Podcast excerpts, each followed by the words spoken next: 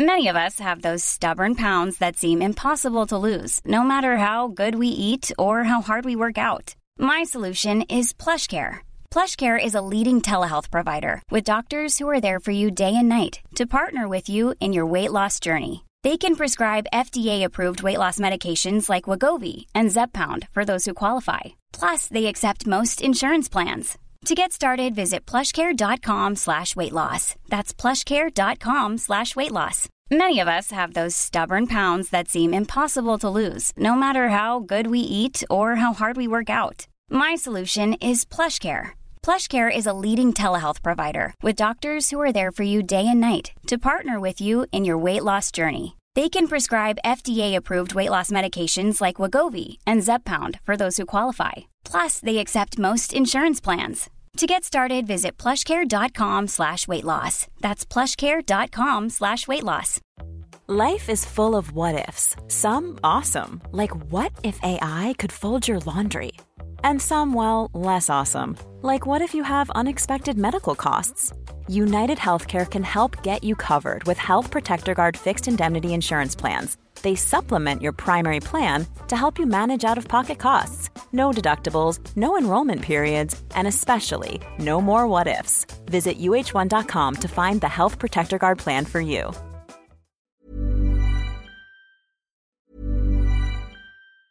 Many of us have those stubborn pounds that seem impossible to lose, no matter how good we eat or how hard we work out. My solution is PlushCare. PlushCare is a leading telehealth provider with doctors who are there for you day and night to partner with you in your weight loss journey. They can prescribe FDA-approved weight loss medications like Wagovi and Zepbound for those who qualify. Plus, they accept most insurance plans. To get started, visit plushcare.com slash weight loss. That's plushcare.com slash weight loss. Ever catch yourself eating the same flavorless dinner three days in a row? Dreaming of something better? Well, HelloFresh is your guilt-free dream come true, baby. It's me, Kiki Palmer. Let's wake up those taste buds with hot, juicy pecan-crusted chicken or garlic butter shrimp scampi. Mm. Hello Fresh.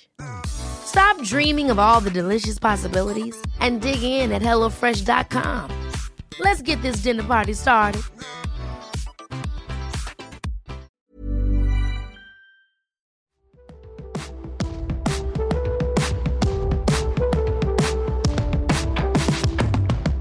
Hej och välkomna till Krönikörerna med Elin af Klintberg och Hugo Renberg. Kan inte du eh, dra premissen en gång till? Mycket enkelt, vi är två krönikörer, vi har med oss två idéer var, vi pitchar båda idéerna på varandra och så är man stenhård domare och väljer en. Vill du köra dina idéer? Det vill jag, jag är så jävla laddad, den första. 1999 så publicerade två socialpsykologer, vet du vad det är? En socialpsykolog. Nej. Jag tror att det är en psykolog som liksom studerar hur en individ rör sig i en grupp. Ah, okay. mm, intressant. Ja. De här två socialpsykologerna publicerade en banbrytande studie som visade att ju lägre kompetens en person har inom ett område, desto högre är självförtroendet. Och fenomenet har ett namn, Dunning-Kruger-effekten. Jag tittar tillbaka på min karriär som talare och förstår plötsligt att jag är en del av det här skrämmande beteendet. 2. Det dryper om deras ansikten. De är så spegelblanka att man kan se sig själv i deras pannor. De ser inte kloka ut. Glasskin eller glow heter makeup-trenden som nu har gått helt överstyr. Överste sminkmoden Bianca Ingrosso fortsätter att posta sina tutorials för en helt komplett wet look och hennes slaviska följare vill se precis lika blöta ut. Men vem ska berätta att kejsarinnan är naken? Eh, kanske du, men kanske inte idag ändå om jag får jämföra med det. Jag håller ju med, de ser ju nyduschade ut de här Ja. unga, förvisso jättesnygga tjejerna. Absolut, men det har gått lite överstyr. Ja, ja, ja, det ser jättekul ut. Och det är Eh, totalt en generationsfråga. Du skulle aldrig se en kvinna i 40-årsåldern eh, ser nyduschad ut om hon inte var Nej, det. Nej, exakt. Men jag fattar inte riktigt hur du ska liksom kunna fördjupa dig så mycket i det ämnet. Så att jag tror ändå jag går på ettan och där det låter lite som du ska sparka på dig själv, vilket alltid är kul. Så att jag väljer din första rubrik ändå. Sadisten i dig vill Ja. höra masochisten i mig. Just.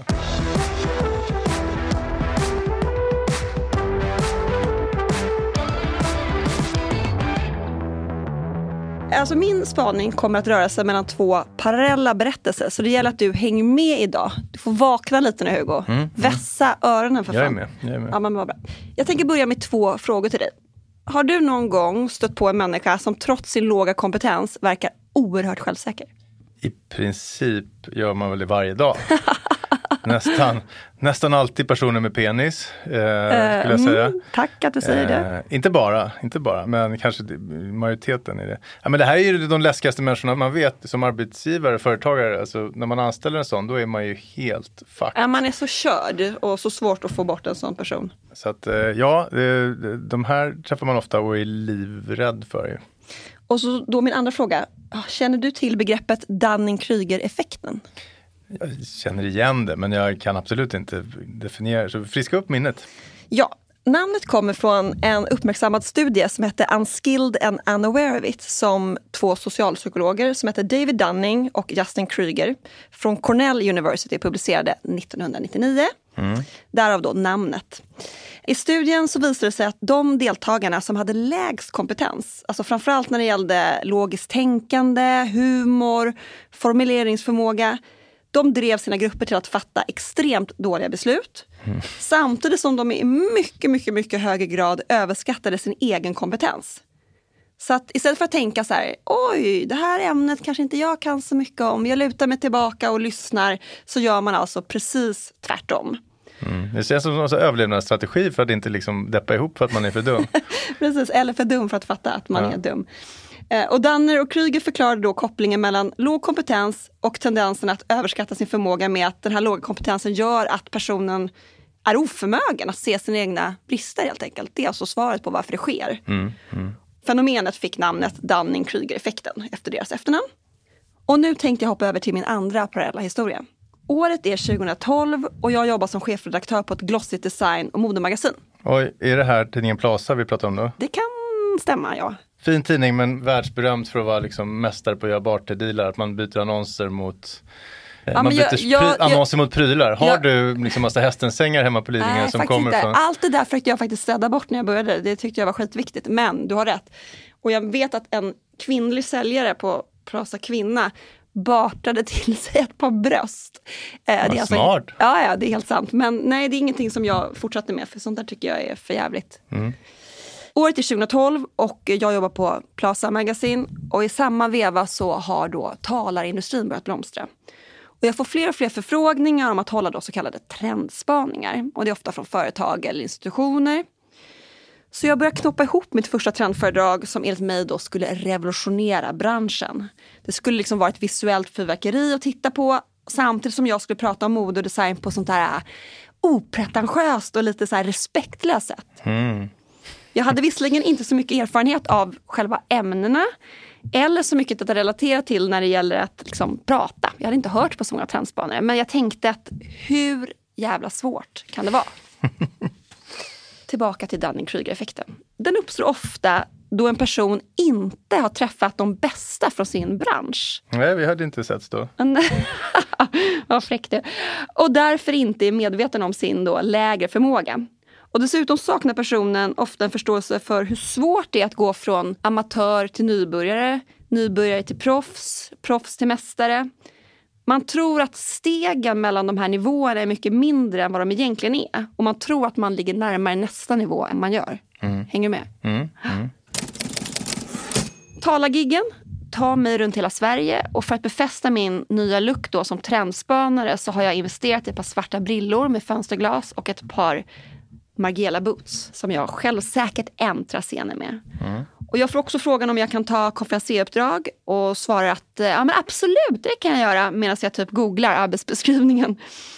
Och i samma veva så startar jag ett eget företag och börjar fakturera då hutlösa summor för mina insatser. Alltså om bokningen gick direkt via mig så fakturerade jag 20 000 och gick den via då den här talarföreningen som reppade mig så var summan liksom, jag tror nästan dubbla. Ja men helt galet. Och när min pappa som är författare, folklivsforskare och etnolog sedan 50 år tillbaka berättade... Råttan i pizzan-mannen är han Ja, men exakt. När han berättade för mig att han tog 2000 kronor för att föreläsa på ett bibliotek så kommer jag ihåg att jag skrattade rått och sa att "Eh, farsan du måste lära dig att börja ta betalt. Är inte det här din roll i hela din kulturarbetarsläkt? Att du är den som tjänar massa pengar och de gör finkulturen? Ja, det låter jag vara osagt. Ja, men det kanske kan ligga lite sanning i det. Men jag, fortfarande så är- brukar min pappa skryta om att jag skriver krönikor i Svenska Dagbladet. Så, Ja, fint. det är det han tycker det. Det är han stolt över.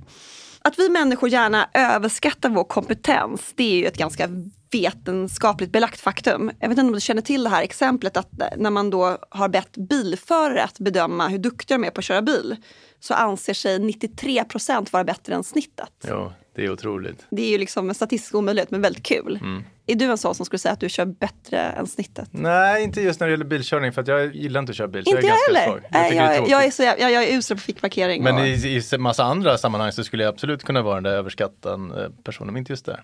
Jag tycker att den här Dunning-Kruger-grejen är väldigt intressant just nu. För tittar man i backspegeln de senaste fem åren så finns det två stora världshändelser, enligt mig då, som gjort att Dunning-Kruger-effekten känns extremt aktuell igen.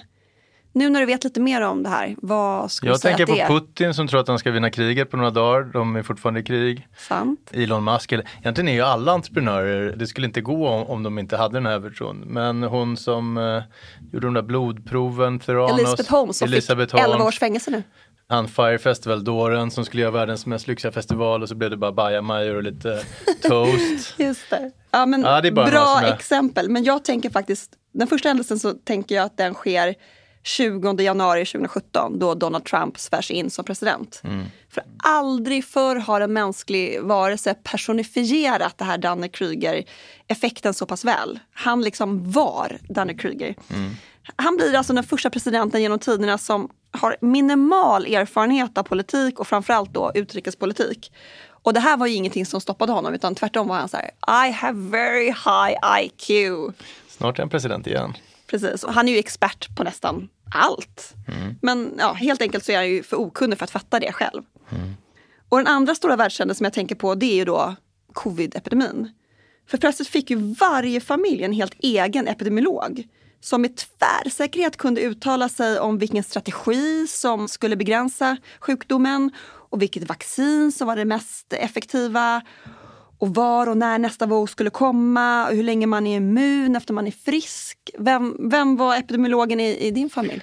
Nej, men om vi hade någon så var det nog jag själv. Men jag, jag satt inte liksom gjorde Excel-snurror och sånt men jag, nej, men jag bestämde mig tidigt för att det inte var något. Två veckor var jag livrädd och tvingade alla att sitta hemma liksom, i, i sovrummet, inte gå ut. Och sen så tröttnade jag och då efter det så hade jag bestämt mig för att det här inte var något. Så det var väl det som var min. Ja. Min man satt ju med då Excel och diagram och, och kom fram till saker som ingen hade kommit fram till. Och Eh, tvingade er att leva efter också? Eller? Nej, men inte så att han var rädd, utan snarare liksom så förkastade han den här rädslan genom sina diagram. Då. Ja, och hade förmodligen rätt. Han har alltid rätt. Ja, det har. Ja. Det tredje året av min talarkarriär så håller jag ungefär en trendspaning eller konferenseruppdrag i veckan. Och trots att min privatekonomi blomstrar så har en molande känsla smugit sig in i magtrakten. Det har inte bara att göra med att jag upplever ganska förödmjukande saker, så som till exempel när det här äh, köpcentret i Västerås trodde att de hade bokat Elin Kling och blev så otroligt besvikna när de såg mig steppa upp på scen Det är inte hon. och var så här, jaha, Stockholmsdialekt. Din blogg? Nej, jag har ingen blogg. Och så kommer det då fram att eh, nej, men de har bokat fel och är så sjukt deppiga över det. Uff. Nej, men det har inte bara att göra med det, utan det handlar liksom, den här känslan som jag har fått i magen handlar om Du är en bluff helt enkelt. Nej, men jag börjar liksom, ju mer jag börjar fatta med hela den här talargrejen, desto större respekt får jag för, för hantverket. Och dessutom så börjar jag inse att jag har liksom missat den viktigaste premissen av alla. När jag har hållit föredrag så har jag trott att folk har velat lära sig någonting. Men det stämmer ju inte. Alltså folk vill bara bli underhållna. De vill få garva en timme och få tänka på någonting helt annat. Och början på slutet kommer när jag går på min gode vän futuristen Magnus Lindqvist trendseminarium. Är det han som har en podd med Jan Gradvall? eller? Ja men exakt. Ja, just det. Mm. Och i flera år hade han blivit utsedd till årets talare. Och jag inser då plötsligt att han har skippat helt och hållet att det här med seriösa trender. Utan han visar bara så här bilder på internetfenomen som katter som ser ut som Hitler. Det är jätteroligt. Ja, och hela publiken viker sig av skratt. Ja. Medan jag blir helt kall. Du var för seriös helt enkelt. Ja, men jag tror det. Men du fick i alla fall frågan, ingen har någonsin frågat mig om att hålla ett trendseminarium. Vi har ju ändå haft liknande jobb. Va? Vad, vad tror du det beror på? Då? Alltså de har ju rätt för jag kan ju ingenting om trender men jag vet inte, det är sorgset när jag tänker på Jag är ju en fotbollskille liksom som maskerar mig som livsstilsredaktör. Så att, nej, de har nog sett igenom mig. Ja, okej. En vanlig upp- missuppfattning kring Dunning-Kruger-effekten är att den beskriver hur dumma människor resonerar. Men det stämmer faktiskt inte, utan alla kan råka ut för den. Men jag har två grejer då. De två bästa sätten att inte trilla dit. Bra. Det är att nummer ett, kunna så mycket som möjligt om det området som man snackar om. Det är det absolut bästa. Kunskap. Två, att börja jämföra sig med personer som kan ämnet eller företeelsen betydligt bättre än du själv. Det är jobbigt att jämföra sig uppåt, det är vidrigt. Det är helt vidrigt, men eh, det är en eh, Det, är- det är det är- vaccination Det är vaccinationen. Mm. Mitt sista taluppdrag någonsin håller jag i Tokyo under mässan 100% design. Där jag ska tala om nordisk design och designens framtid. Och jag minns att det skulle direktsändas på japansk tv och även om jag vid det här laget hade blivit ganska varm i kläderna så var jag jäkligt nervös och jag hade förberett mig minutiöst. Men det här självförtroendet som jag hade från min första tid som talare, det var som bortblåst. För ju mer jag hade lärt mig om mitt ämne och av föredragsteknik, desto mer ödmjuk och självkritisk hade jag blivit. Det sista föredraget jag höll var förmodligen det bästa. Men efteråt var jag så deppig och missnöjd. Och ingenting blev heller bättre av att jag blickade ut över folkhavet och såg att 70% av deltagare hade somnat. Men De jobbar så mycket. Japaner men jag vet och det här var ju liksom innan jag hade fattat att japaner gör så. Så jag åkte liksom hem till Stockholm med en bara ett stor känsla av misslyckande. Mm. Det här var liksom dödsstöten, aldrig mer så vill jag tala igen. Var ditt sista föredrag? Typ. Men det riktigt intressanta just med Dunning-Kruger-effekten det är att precis på samma sätt som inkompetenta personer verkar överskatta sin förmåga så tenderar också personer med hög kompetens att underskatta sin förmåga och tro att de egentligen är sämre än vad de i själva verket är. Så den här pendeln slår liksom lika mycket åt båda hållen. Men så Var här är det bäst att vara helt enkelt? Det bästa är väl att vara, I mitten. oblivion och dum i huvudet och tro att man är bäst. Ja, men jag kan känna så här, efterhand så är jag ändå tacksam för de gångerna man har drabbats av effekten. Eftersom den här aningslösheten har ändå fått mig att hoppa på en massa med härliga grejer som jag aldrig skulle ha vågat prova annars. Och genom att, då att man applicerar tankebanan, hur svårt kan det vara? Ja, men till exempel, skulle den här podden finnas om inte vi hade en liten släng av Dunning-Kruger? Absolut inte. Det är ju mediemänniskans ständiga grej, att man tror att folk bryr sig om vad man tycker och tänker om allt. Precis, och den här podden vill vi ju inte vara utan, eller hur? Vi är sponsrade av Cecil Coworking, Sveriges främsta kontorshotell. Ligger på Norrlandsgatan, mitt i Biblioteksstaden i Stockholm. Och nu med pandemin i backspegeln så har många undersökningar visat att man mår mycket, mycket sämre när man sitter hemma och arbetar och tittar på sina egna tvätthögar. Man behöver träffa människor vid kaffeautomaten, skrivbordet och allt det där finns här på Cecil Coworking. Så är det. Man kan skräddarsy sina, sina konferenser, man kan hyra mötesrum en timme, en dag eller ett par månader. Läs mer på cecilcoworking.se. Tack Cecil Coworking. Tack! Min tur då. Ja, Mina två vinklar. Nummer ett, så lurar du dig själv att bli en bra människa.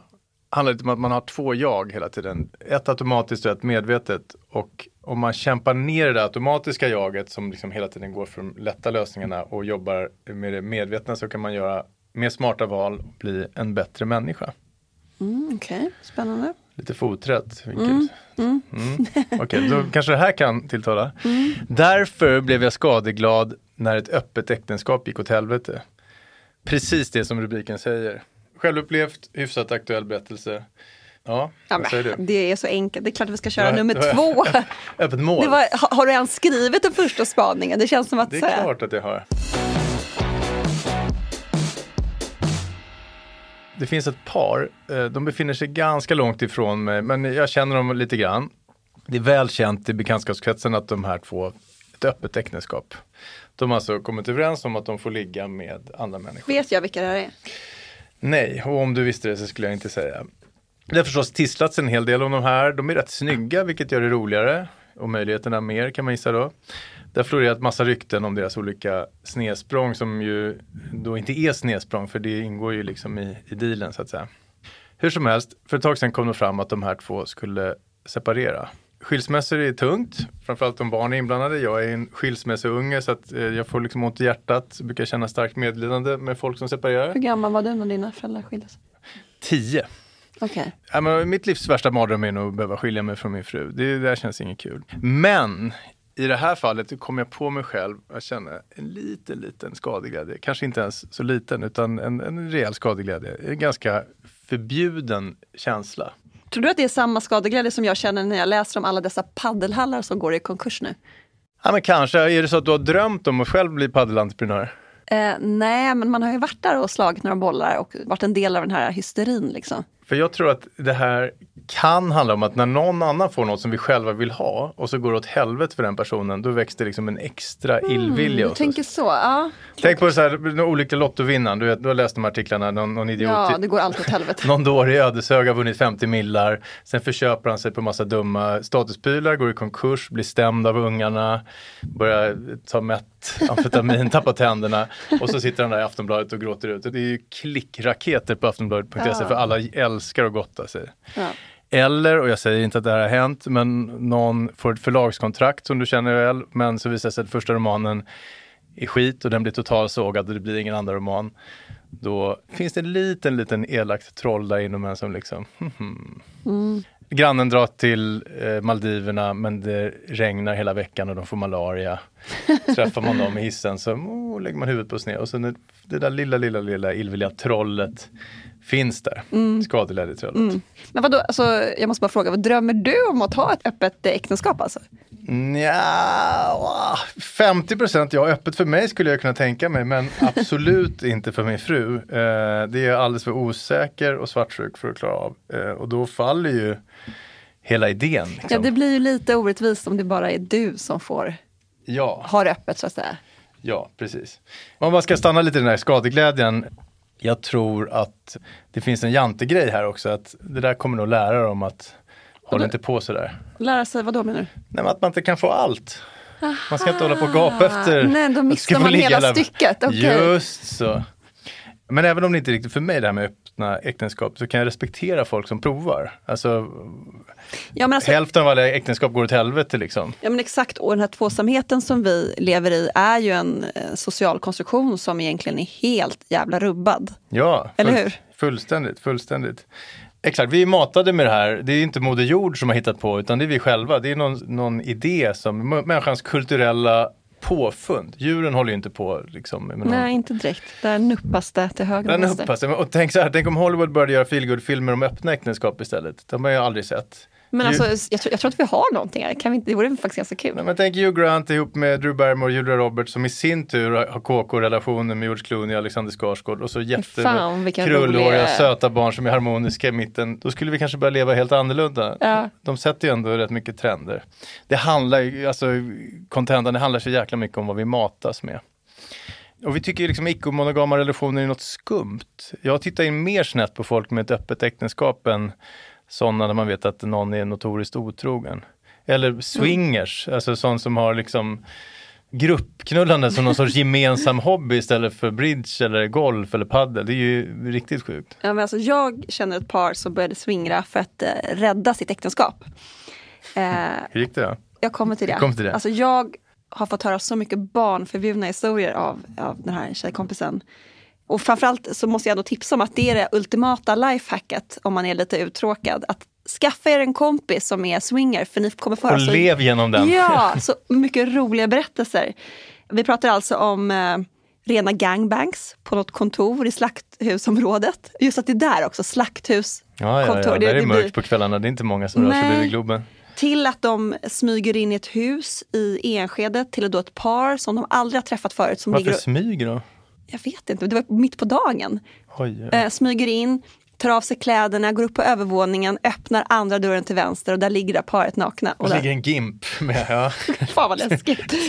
Till att de berättade att eh, när de var i Tumba och var med något par så fastnade en så här buttplug i kvinnans rumpa. Så det blev någon slags teambuilding-övning att tre Det personer låter skulle som få en sån här, ut. eh.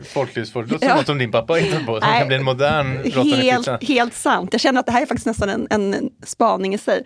Ja. Eh, ja, men hur som helst, jag har hört så mycket skräckblandad förtjusning i dessa stories. Så nej, äktenskapet höll inte. Men de förlängde det faktiskt några år på grund av det här Ja. svingeriet. Nej men en annan grej om man ska försvara de här öppna äktenskapsmänniskorna det är att man, när jag hör att de ska skilja sig, då kopplar jag det direkt till att det handlar ju om att de ligger runt en massa olika älskare. Det har ju jag inte en jävla aning om. Det kan ju handla om något helt annat, mer vardagligt, att en vet inte hur den ska fylla diskmaskinen och den andra snarkar hemskt liksom. Nej, men hur menar, varför, varför måste man ha ett öppet äktenskap då? Eller, Nej, nej, men att det är därför du- som det har tagit slut med Ja, ja, ja, jag att fattar, det är, där, att det, Ja, är därför, fattar. det behöver inte handla om att någon har legat snett. Det Nej, kan nej, vara, exakt. eller det blir ju inte snett, förlåt i det här fallet. Det Nej. blir bara alldeles öppet. ja. Det handlar ju liksom om vilket slags kontrakt ska man ha i sitt äktenskap. Det öppna är absolut inte för mig, men kanske finns det sen när man har varit ihop ett tag och ser tillbaka i backspegeln, några grejer som man borde ha förhandlat fram. Skrivit in i kontraktet. Skrivit in i kontraktet. Som man Ja. nu tar ut och pekar på. Ja, men jag har, har du någon sån där som du har funderat över själv? Alltså jag har ju skilt mig en gång för att slippa det där som jag störde Och mig nu på. är det 100% ja, tomtebolycka. ja, jag svänger. Det Ja. har jag också, men det finns några små skavanker som Ja. alltså, på morgonen till exempel, senast nu i morse. Jag är så jävla zombie på morgonen för jag käkar massa sömntabletter för att sova ordentligt. Medan min fru är jättemorgonpigg och Är du beroende av sömntabletter? skulle du säga? 100% Okej. beroende. Är det Eh, Propavan eller Stilnoct eller vad heter det? Nej, Lergigan, sån här antihistamin som gör att Jaha, jag har inga problem trött att som, precis, man är man sonkad eller vad Ja, fan man ska säga. Det är ganska nice. Ja. Nevermind, det- det är inte så nice på morgonen för då är jag väldigt, väldigt trött. Och det där har min fru aldrig fattat så att hon är hetsig och ettrig och jobbig så att morgnarna är liksom, jag skulle vilja skriva in total tystnad tills alla går till jobbet. Ingen får säga någonting. Ja. En annan sak, när jag frågar var ligger läsglasögon eller min mobil, då vill jag inte att det ska komma ett himlande med ögonen och liksom, kommer du ihåg var du la den sist? Jaha, det är ingen nej. minnestävling, jag vill bara, kan inte du snälla säga det där utan att göra någonting? Ja, lite sådana. Använd, alltså ketchupflaskorna är en annan sak i vår familj. Det öppnas nya hela tiden utan att de andra är slut. Det står fyra Heinz-flaskor på rad. Vad besvärligt för dig. Ja, men det är besvärligt. Det är sådana här saker som jag, jag skiter i det öppna äktenskapet. Det behövs inte. Men de här grejerna skulle jag gärna få in. Ja. Som mina hallpass. Just det, just det. Elin, tack för idag. Ja, krönikörerna är över för idag och eh, jag vill bara säga än en gång att vi är så otroligt tacksamma för att ni lyssnar på oss och för att ni prenumererar. Det betyder verkligen allt. Vi hörs nästa gång. Japp!